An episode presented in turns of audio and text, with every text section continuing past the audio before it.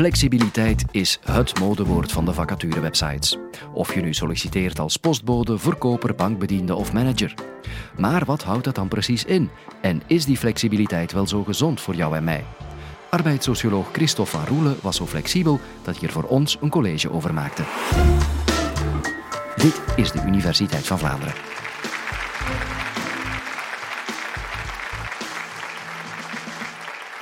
Flexibiliteit. Is waarschijnlijk een van de meest gebruikte termen wanneer we het hebben over werk. Ik zou het kunnen vragen, wie is hier een flexibele werknemer? Wie vindt dat van zichzelf, dat hij best flexibel is? Ja, iedereen eigenlijk. Hè. Dat is zo'n term die we eigenlijk gebruiken heel vaak uh, om iets te beschrijven over werk zonder dat we eigenlijk een vaste betekenis daaraan hebben. Dat is zo'n term die nogal onduidelijk is wat die eigenlijk betekent. Om de proef op de som te stellen ging ik eens op zoek op een vacaturewebsite. Uh, op een lukrake dag waren daar 667 nieuwe vacatures gepubliceerd. En 200 daarvan, daar stond in die jobomschrijving in de eerste regeltjes al het woord flexibiliteit. Maar luister bij mij eens mee naar een aantal voorbeelden. Zo was er een eerste voorbeeld waar we een dispatcher zocht. Um, die ja, flexibel moet zijn. Flexibel in drie ploegen en liefst ook op zondag en op feestdagen willen werken. Een productiearbeider, daar werd een flexibele job met optie vast voor aangeboden. Een administratieve medewerkster. U bent flexibel, u bent hands-on en u bent een manusje van alles. En dan was er ook een jurist en bij die beschrijving voor de, jurist stond u kan perfect werk en privé combineren dankzij een flexibel uurrooster en de mogelijkheid om telewerken te doen.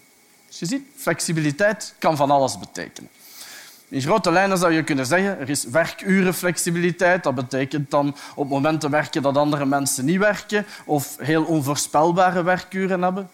Er is locatieflexibiliteit. Dat betekent dat je op plaatsen werkt waardoor als niet gewerkt wordt bij je thuis of dat je wordt uitgezonden naar een of andere klant om daar je werk te gaan opknappen. Er is contractuele flexibiliteit. Dat betekent dan meestal dat je een tijdelijk contract hebt, misschien met optie vast, ooit. Ja. Maar er is ook flexibiliteit in termen van de functie creatief kunnen zijn, oplossingen zoeken voor allerlei problemen, uw werk zelf regelen, autonoom zijn, ook dat is flexibiliteit. Dus die flexibiliteit, dat varieert. En je voelt onmiddellijk dat er bepaalde profielen van jobs zijn waar een ander soort flexibiliteit gevraagd wordt of aan bod komt dan in andere jobs dan weer. Ja. Hoeveel mensen zijn er flexibel? Iedereen in deze zaal precies. Ehm, als je het zo eens bekijkt naar cijfers die daarover gepubliceerd worden, dan is een kwart van de mensen vandaag deeltijds actief. 27 procent van de werkende Belgen werkt op nogal onregelmatige tijdstippen en 9 procent daarvan heeft ook geen enkele vat op die tijdstippen waarop ze moeten werken. 9 procent heeft ook een tijdelijk contract. Daar kan je nog 3 procent interimmers bij tellen.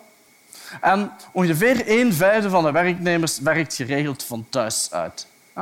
10 procent werkt dan weer in een team dat volledig zelf mag beschikken en organiseren wat de arbeidstaken zijn. De vraag die we dan kunnen stellen is, is dat wel gezond, dat flexibel werken? Als we het over gezondheid hebben, daar is in de, het onderzoek naar arbeid nogal wat over te doen geweest. Al eigenlijk van beide industriële revoluties stelde men zich de vraag welke soorten werk gezond waren. Het ging dan vooral over het bestuderen van zwaar werk, van zeer ongezonde blootstellingen en dergelijke meer. Men noemt dat de oude industriële risico's. Bij het wegtrekken van de industriële arbeid, het minder belangrijk worden van de industriële arbeid, kwamen nieuwe risico's aan bod. Nieuwe risico's die vooral van niet-manuele werknemers zijn. In de volksmond stress. Ja? Wetenschappers spreken liever over psychosociale risico's. En wat zijn dat, die psychosociale risico's? Dat is eigenlijk de werkdruk, de mentale belasting van jobs en de mogelijkheden die mensen hebben om daar iets mee te doen, om autonoom te zijn, om inspraak te hebben, zodat ze die werkdruk wat kunnen pareren. Ja? Al die factoren samen zouden we eigenlijk de kwaliteit van een job kunnen noemen. Ja? Arbeidskwaliteit. Of met een ander woord, wat nogal eens opduikt, werkbaarheid. Een werkbare job is dus eigenlijk een job die ervoor zorgt dat mensen zo gezond mogelijk blijven in hun job, ook in de toekomst. Maar meer dan dat, het is ook een job die mensen mogelijkheden geeft om te groeien, om autonoom te zijn, om een evenwichtig bestaan te leiden en dergelijke meer. Er gebeurt wel wat onderzoek naar die werkbaarheid van jobs. En men heeft lang gedacht, met het wegtrekken van de industriële arbeid, met de automatisering, met de digitalisering, zullen eigenlijk de jobs globaal genomen van kwaliteit verbeteren. Want die meest schadelijke jobs die gaan er tussenuit. Nu, we hebben al zeker vanaf de jaren 2000 vrij goede cijfers over de werkbaarheid. En men stelt eigenlijk vast dat dat niet zo is. Die werkbaarheid blijft redelijk stabiel. En onder dat gemiddelde zitten zeer grote verscheidenheid, zitten zeer grote ongelijkheden. Um, zeker jobs die gekenmerkt zijn door een lagere scholingsgraad van de mensen die ze uitvoeren, door meer routine, um, de overblijvende manuele jobs, jobs voor nieuwkomers op de arbeidsmarkt. Daar valt die werkbaarheid nogal tegen, eerlijk gezegd. Meer zelfs, die werkbaarheid die gaat er een stukje op achteruit de laatste jaren. En mijn stelling is dat dat te maken heeft met een derde soort risico's die lange tijd eigenlijk wat onder de radar bleven. Ik noem ze de omkaderingsrisico's. Die risico's hebben niks te maken met de inhoud van de arbeidstaak zelf, maar vooral met de voorwaarden waaronder gewerkt wordt. Het soort contract, de werktijden en zo verder. En daar speelt flexibiliteit zeker een grote rol. Ja? Bij die omkaderingsrisico's. En om dat goed te begrijpen, moeten we misschien een stapje terugzetten in de tijd en eventjes nadenken waarom we tijdelijk werk, flexibele werktijden, waarom we dat nu juist flexibel noemen. Het is alsof er een soort impliciete standaard in ons hoofd zit, een standaard die ergens in het midden van de 20e eeuw ontstaan is, van wat nu een standaard normale job is. Iets van 9 to 5, vijf dagen per week, zoiets, dat zou dan die normale job zijn. Ik kan het misschien wat duidelijker maken met twee voorbeelden. Laat ons twee jobs nemen, die van postbode en die van een ambtenaar in de overheidsadministratie. En laat ons het jaar 1977, het jaar waarop ik geboren werd, en vandaag met elkaar vergelijken. Die postbode dat was waarschijnlijk iemand die op zijn 14 jaar de school verliet. En toch was die vastbenoemd ambtenaar voltijds en had een loon waar hij zijn gezin mee kon onderhouden. Zoals dat voor postbodes is, moest hij elke dag zeer vroeg opstaan, maar hij werd daarvoor gecompenseerd met een premie. En in de vroege namiddag was hij thuis, deed elke dag dezelfde rondes, zag dezelfde mensen. Hij wist dat perfect op voorhand. En zijn diensthoofd dat was iemand die hij goed kende en de planning onder het nauwlettende toeziend oog van de vakbond vastlegde voor de uh, verdere dagen en weken. En die postbode zelf die wist eigenlijk dat hij ooit op een dag ook diensthoofd zou worden. En daardoor een goed loon en een goed pensioen zou krijgen wanneer hij afzwaaide. De ambtenaar, waarschijnlijk ook iemand die de middelbare school had afgewerkt, is eveneens iemand die vast benoemd was in die tijd, vast contract, vaste werkuren, zeer voorspelbaar, elke dag op dezelfde plaats, tijdens dezelfde uren hetzelfde soort werk doen werd waarschijnlijk niet geacht om dingen te doen die buiten die jobdescriptie lagen. Integendeel zelfs. Die ambtenaar die leefde eigenlijk in een heel formele situatie waar er heel formele omgangsvormen, bureaucratie was. En die persoon wist ook vrij goed wat de toekomst zou brengen. Een aantal promotiestapjes voor het pensioen. Flits naar 2019 en dan kijken we terug naar die postbode. En die postbode is dan iemand die waarschijnlijk een tijdelijk contract heeft, deeltijds, 20 uur per week, onvoldoende om van te leven. Dat is iemand die eigenlijk enkele dagen op voorhand pas weet wat de rest van de week zal brengen qua werkplanning. Meer zelfs, die werkplanning die wordt geregeld door een elektronisch planningssysteem, waar geen mensenhand nog iets kan aan veranderen. En als er niet genoeg postrondes zijn, dan geeft die werkplanning automatisch andere taakjes, zodat er geen betaalde arbeidstijd verloren gaat. Ja. Eigenlijk weet die man ook niet meer wie zijn baas is. Want alle personeelsadministratie moet via een onpersoonlijk elektronisch loket gebeuren. Het is ook iemand die totaal geen toekomstperspectief heeft in die job. Wordt wel eens gezegd, na twee tijdelijke contracten is het gedaan.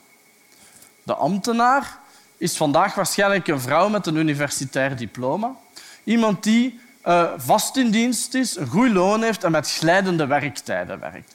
Dat betekent eigenlijk dat ze van thuis uit kan werken, dat ze wanneer ze wil kan werken. Eigenlijk doen die werkuren er helemaal niet toe. Het komt erop aan dat de taak gedaan is. En die taak die stelt ze samen met haar team vast. Het diensthoofd komt enkel op de proppen wanneer er problemen zijn. Ze is heel blij in haar job, alhoewel ze toch begint te denken, aangezien ik wat expertise heb opgebouwd, wil ik misschien wel als zelfstandig consultant hetzelfde gaan doen. Daar ga ik meer mee verdienen. Met andere woorden, de conclusie. Die um, twee jobs die inhoudelijk eigenlijk um, heel verschillend zijn. In 1977 leken die erg op elkaar qua werktijden, qua planning, etc. etc. Vandaag is dat allerminst nog het geval.